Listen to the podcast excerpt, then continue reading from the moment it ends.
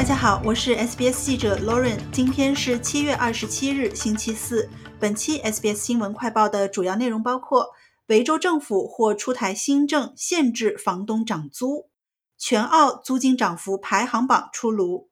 曾多次被曝光欠薪的知名连锁奶茶店负责人表示，无法保证不再欠薪。近日，维州州长安德鲁斯表示，今年晚些时候将对维州住房政策进行彻底的改革。而目前，政府正在考虑多项住房和租金负担能力纾困措施，其中就包括禁止房东每两年涨租超过一次。其他的措施还包括征收五澳元的度假短租房税，以此帮助政府筹集公共住房建设资金。虽然限制房东涨租这一提议赢得了租户团体的支持，但经济学家和房地产专家表示，冻结租金无助于增加住房供应，而且可能会导致可供出租房产的质量和数量下降。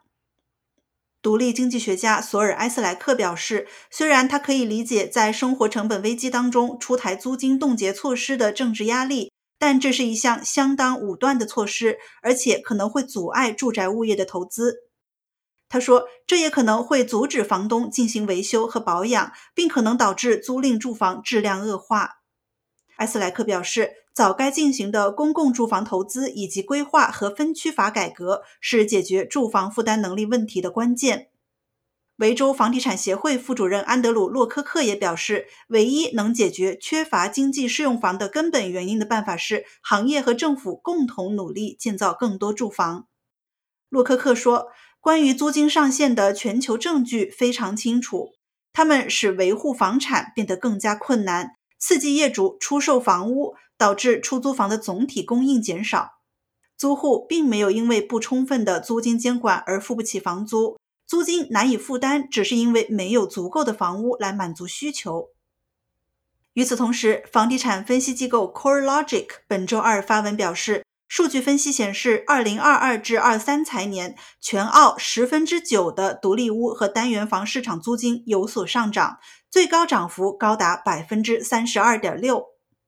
根据 CoreLogic 的新数据，在截至今年六月的一年当中，悉尼两大华人区 Campsie 和 Haymarket 分别领跑独立屋和单元房的租金涨幅榜。单元房租金涨幅最大的是靠近悉尼中央车站和唐人街的华人区 Haymarket，达到了百分之三十二点六，租金中位数为每周一千一百二十二澳元。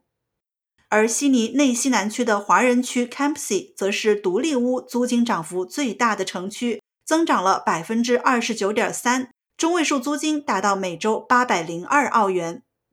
在独立屋租金上涨前二十地区榜单上，十六个地区来自悉尼，剩余四个来自西澳洲。而单元房的前二十榜单上更有十九个地区来自悉尼，墨尔本仅有一个地区上榜。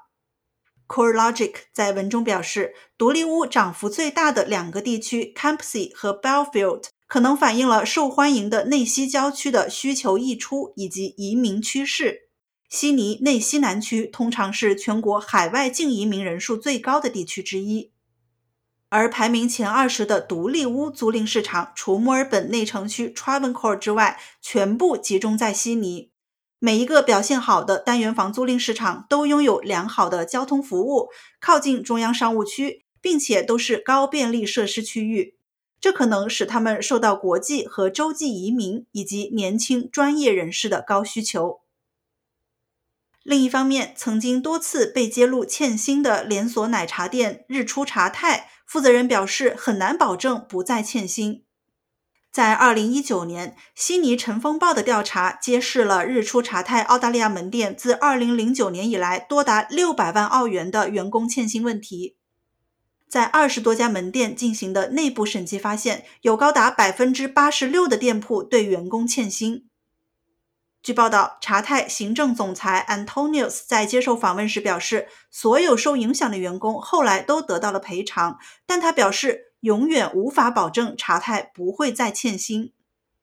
他强调，公司的流程和纪律已经有所改进，但他也直言不能保证不再发生欠薪，并解释说，因为有一百多个地点可能会出现错误。同时，他还表示，业务成本的上升和消费的放缓导致一些分店陷入了亏损，日出茶太可能会有多间分店倒闭。感谢收听本期 SBS 新闻快报，在任何播客平台搜索 SBS 普通话，点击订阅，开启消息提醒，即可了解澳洲国内外新闻及社区资讯。